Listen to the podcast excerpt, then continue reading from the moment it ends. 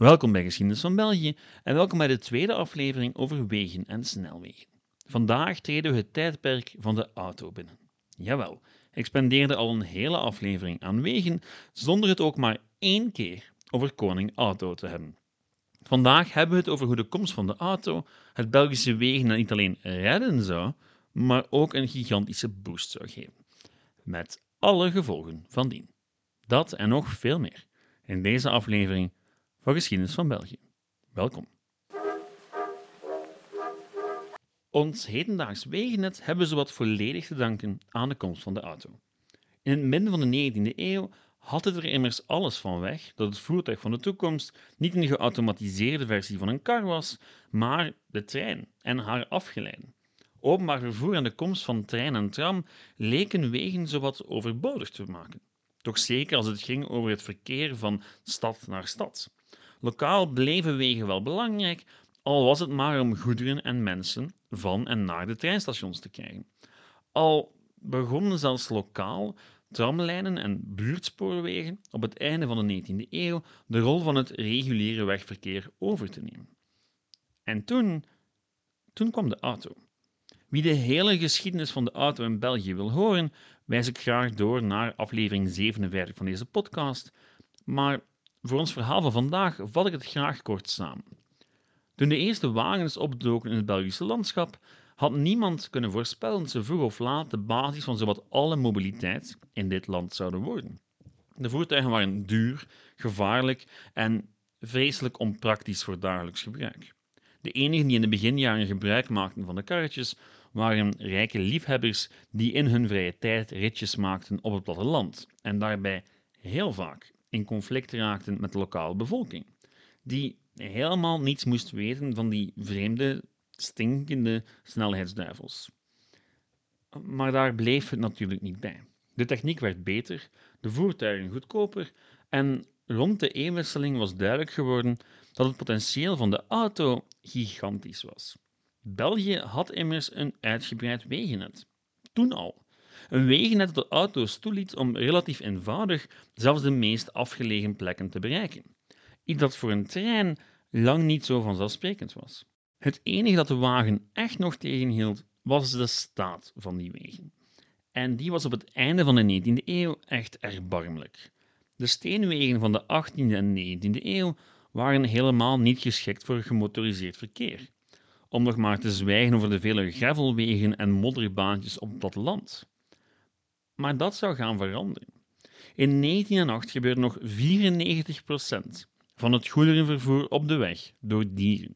U weet wel, paarden en dergelijke. Slechts 6% door mechanische voertuigen. Tegen 1933 was de situatie volledig anders. 90% mechanische voertuigen versus 10% dieren. Oh, en het goederenvervoer in totaal was ondertussen meer dan verviervoudigd. Wat ons tot de vraag brengt wat er zich nu eigenlijk had voorgedaan in de tussentijd. En nu zou u misschien kunnen denken dat er ondertussen een heleboel snelwegen was aangelegd, maar feit is dat de aanleg van die mechanische wonderen pas startte vanaf 1937. Vanaf 1902 werd er al druk nagedacht over hoe men wegen beter kon maken. En men kwam al snel uit bij wat tot op de dag van vandaag de basis is van alle Belgische wegen: tarmac en beton. De aanleg van nieuwe wegen begon in de steden, maar breidde zich na de Eerste Wereldoorlog al snel uit naar het platteland. Na de oorlog moesten er sowieso grotere infrastructuurwerken gedaan worden om de schade te herstellen, en die nieuwe soorten wegen werden dan ook overal aangelegd. Ze waren ook anders dan hun voorgangers. Ze waren breder en vlakker. Breder, want er was nu eenmaal meer verkeer, en vlakker, want voor zo'n automobiel ja, was een zo vlak mogelijk oppervlak heel belangrijk. Voor een kar of een paard maakt dat niet bijster veel uit, maar voor een auto wel. Want zo, een auto, wel, die hing redelijk laag bij de grond.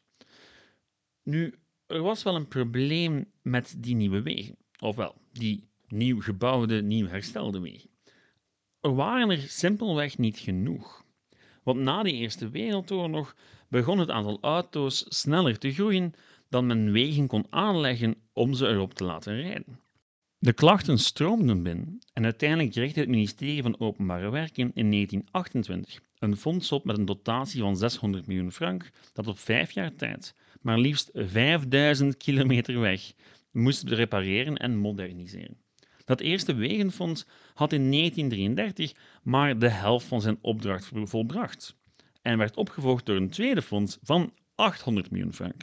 Niet toevallig, want in 1935 kwam er ook een wereldtentoonstelling naar Brussel en de regering wou zich in vol ornaat kunnen tonen aan de rest van de wereld, inclusief moderne wegen. Dat men in volle financiële crisis ook een heleboel volk zou kunnen te werk stellen, speelde natuurlijk ook mee. Want ja, het was immers de tijd van de grote economische crisis en de New Deal als grote oplossing voor die crisis. Een New Deal waar overheden over de hele wereld massaal veel geld investeren in publieke werken. En dat brengt ons tot een belangrijke vaststelling: dat de ontwikkeling van het Belgische wegennet zeker niet geïsoleerd was. Het maakte deel uit van een brede ontwikkeling die plaatsvond in de VS, in Frankrijk, Duitsland, Italië, over de hele wereld eigenlijk. En de ontwikkeling van zo'n wegennet hangt samen met golven, wetenschappelijke golven, maar zeker ook economische golven. En de New Deal, of het principe van de New Deal in elk geval, was een belangrijke golf. En het feit is dat al die investeringen loonden. Tegen 1935 had het Belgische wegennet definitief de omslag gemaakt. Al um, waren er toen ook al nieuwe problemen zichtbaar. Of wat had u gedacht? Het is een beetje een constante in de geschiedenis van de mobiliteit dat elke oplossing een nieuw probleem met zich meebrengt. Er was immers een fundamenteel probleem met de oude steenwegen als de belangrijkste wegverbindingen tussen steden. Oké, die steenwegen waren nu wel mooi beslagen met tarmac of beton in plaats van kasseien, maar ze boorden zich nog steeds recht de stad in. Wat ervoor zorgde dat al dat verkeer de hele stad door moest, met de nodige chaos tot gevolg. U moet het zich maar voorstellen. Dat al het verkeer van Antwerpen naar de kust op een zonnige zomerdag dwars door Gent moet. Om dat soort toestand te vermijden, begon men in de jaren 20 al met het aanleggen van de eerste omleidingen rond de grote steden heen. Maar dat was natuurlijk niet genoeg, want die grote omleidingen, die ringen, ja, daar geraakte men op dat soort zomerdagen ook al snel in een file terecht. En niet enkel op zomerdagen, ook op weekdagen. Dus was er nood aan een ander soort weg, een nieuw soort weg. Een snelweg. Het idee kwam in de jaren 30 niet zomaar uit de lucht vallen in België. In 1923 was men in Italië al met de aanleg van de eerste autostrada begonnen. Toen nog een revolutionair concept. Een weg die alleen maar voor auto's was. Het idee werd in de jaren 30 voor de eerste keer op grote schaal in de praktijk gebracht door, jawel, Nazi-Duitsland. Hitler had immers zijn eigen versie van de New Deal en daarbij speelden grote publieke werken evengoed een grote rol. De Rijksautobahnen verbonden heel Duitsland met elkaar en maakten toerisme en goederenvervoer een stuk eenvoudiger. Iets waar men in België wel oren naar had en op 6 april 1937 werd het eerste stukje autosnelweg aangelegd in Beernem, een dorpje nabij Brugge. Dat eerste stukje snelweg maakt vandaag de dag nog steeds deel uit van de E17. En hoewel de echte aanleg van ons hedendaagse netwerk van autostrades pas na de oorlog zal beginnen, is het geen slecht idee om eventjes stil te staan bij dat eerste reepje beton van 1937. Want wij zijn immers zo gewend aan snelwegen dat hun ronduit revolutionaire karakter ons ontgaat. Een snelweg is een weg voorbehouden aan snel gemotoriseerd verkeer zonder oversteekplaatsen. Een weg dus waar je als voetganger, fietser of paard en kar niks te zoeken hebt. Een weg waar je als reiziger enkel en alleen door het landschap trekt. Een landschap dat door die snelweg dan ook nog eens in twee wordt gedeeld. Neem nu Beernem bijvoorbeeld. Het zuiden van het dorp werd volledig afgesloten van de rest, op enkele bruggen na. En dan hebben we het nog niet eens gehad over wat er allemaal nodig was om die snelweg te kunnen aanleggen. Boerderijen, landbouwgronden, straten, alles wat in de weg lag, moest er onherroepelijk aan geloven. De impact op die gemeentes valt eigenlijk amper te overschatten. De impact was zo groot omdat de plannen net zo ambitieus waren. De weg die door Bernum lopen moest bijvoorbeeld, die zou bijna kaarsrecht zijn, met twee rijstroken aan elke kant, een pechstrook en een middenberm van 4 meter. De hellingsgraad zou niet meer dan 2% bedragen of 4% op heuvels. De plannen waren met andere woorden absoluut revolutionair, al liet de volledige uitwerking eventjes op zich wachten. Niet in het minst door de Tweede Wereldoorlog natuurlijk. Maar na de bevrijding werden de bestaande wegen eerst hersteld, maar voor een echte heropleving van de bouw van snelwegen was het wachten tot 1949, want zo vlak na de oorlog zag niet iedereen het nut in van zo'n groot project. Was het echt nodig om dat soort wegen aan te leggen alleen maar voor wagens? Was het niet nuttiger om eerst wat meer gewestelijke expresswegen aan te leggen? In 1949 kwam er voor het eerst een lange termijnvisie voor het Belgische wegennet. Men ging plannen.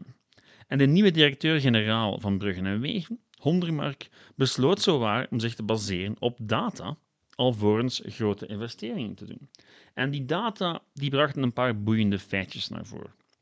Tussen 1947 en 1949 alleen al was het aantal voertuigen met 49% gestegen. Een evolutie die zich alleen maar zou doorzetten, normaal gezien. Want op politiek en economisch vlak zaten er een heleboel evoluties aan te komen die het gebruik van wagens en vrachtwagens enkel in de hand zou hebben. Zo was er bijvoorbeeld de Verklaring van Genève. Niet de Verklaring van Genève of het Verdrag van Genève waar u nu aan denkt, maar een andere. Een waar Nederland, Luxemburg, Frankrijk, het Verenigd Koninkrijk en België verklaarden dat ze zouden proberen de voornaamste Europese steden met elkaar te verbinden door middel van e-wegen. Dit om de handel en het toerisme in de hand te werken. E-wegen, u weet wel, zoals E17, E40 enzovoort. Jawel, de E in E17 en E40 staat voor Europa. En dat wegproject, hoewel niet formeel, was een van de eerste economische projecten die later mee tot de oprichting van de Europese Unie zou leiden. Wat ons natuurlijk tot een van de belangrijkste verklaringen brengt voor dat uitgebreide netwerk van snelwegen in België. Europa en de plaats van België in die nieuwe Europese Unie, of wat uiteindelijk de Europese Unie zou worden. Naarmate de drang toenam om alle grote steden van Europa met elkaar te verbinden, werd ook duidelijk dat één land daarvoor absoluut cruciaal zou zijn: België. Want ja, de belangrijkste economische grootmachten van Europa toen, Frankrijk, Duitsland en Groot-Brittannië, hadden één buurtland gemeen. En België beschikt dan ook nog eens over een haven, die in verbinding gesteld kon worden met alle steden van die landen door wegen. En dat is de verklaring waarom de dag van vandaag België het land is met de meeste kilometers snelweg per inwoner. Die snelwegen zijn er ja, wel voor ons, maar toch ook vooral voor de vrachtwagens en voor al het vervoer dat naar Antwerpen moet, of naar Parijs, of naar Londen, of naar Berlijn, of naar Frankfurt, of naar Keulen. Er zijn een heleboel belangrijke industriesteden die enkel met elkaar in verbinding staan door snelwegen die door België lopen. De verklaring van Genève gaf dus meer vorm aan de snelweg zoals we die vandaag kennen. Er waren zelfs details over hoe zo'n snelweg eruit moest zien, die ehm, wel redelijk bekend lijken. De rijbanen moesten bijvoorbeeld minstens 7 meter breed zijn en langs de wegen moest er plaats zijn voor drank- en eetgelegenheden, praatpalen, parkeerterreinen en dergelijke meer. België zou die verklaring van Genève heel strak interpreteren, ook al was ze niet dwingend. Het was voor de Belgen gewoon een goed plan. In heel wat andere landen krijgen de wegen die deel uitmaken van het netwerk niet langer letter E voor een nummer. In België wel, want ja, waarom niet? Men wou vanaf 1949 dus een heleboel snelwegen aanleggen. Maar natuurlijk betekent dat niet dat die zomaar gaan verschijnen uit het niets. Ze moesten betaald worden. En daar werd de ondertussen geliefde oplossing voor gebruikt. Een speciaal wegenfonds dat men dan ook niet in de officiële begroting moest inschrijven. Want, wel, typisch Belgisch. Nu, vanaf 1955 was er een permanent wegenfonds. Waarom? Wel, er kwam opnieuw een wereldtentoonstelling aan. Deze keer die van 1958 in Brussel. Dat fonds beschikte echter nooit over voldoende geld om haar taak goed uit te voeren. Wel, haar twee taken eigenlijk. Enerzijds het moderniseren van het al bestaande wegennet en anderzijds de aanleg van de nieuwe snelwegen. En al vlug kreeg het tweede voorrang op het eerste. Het gevolg was dat er in elk geval massaal veel wegen aangelegd werden vanaf de jaren 50 van vorige eeuw. En het was ook nodig. Want ondertussen was de economie definitief uit het dal van Wereldoorlog 2 gekropen en hadden de Belgen massaal de geneugde van de auto ontdekt. En de internationale handel over de weg was opnieuw in gang gestoken. Het gevolg was dus dat ja, er heel wat voertuigen over de Belgische wegen rolden. En waar de auto voor de oorlog nog steeds een luxe product was voor een bepaalde klasse, kon vanaf de jaren 60 zowat iedereen zich een auto permitteren. En dus wou iedereen goede wegen om over te kunnen razen met zijn net aangeschafte bolide.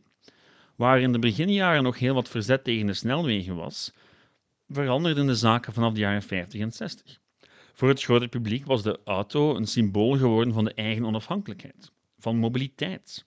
Het zorgde er immers voor dat men niet meer per se in eigen buurt werk moest gaan zoeken. Of naar hetzelfde vakantiehuisje moest aan de kust, jaar na jaar. De auto betekende vrijheid in een maatschappij, die dat gegeven ook steeds meer op prijs stelde. En bij gevolg was het uitgeven van geld aan wegeninfrastructuur ook voor politici plots de logica zelf. Eind 1972 waren de belangrijkste steden in België eindelijk met elkaar verbonden door middel van snelwegen. Eind 1972 pas. Wat relatief laat is. Het blijft mij verbazen hoe jong heel ons systeem van snelwegen en weginfrastructuur eigenlijk wel is. Het is jonger dan mijn ouders.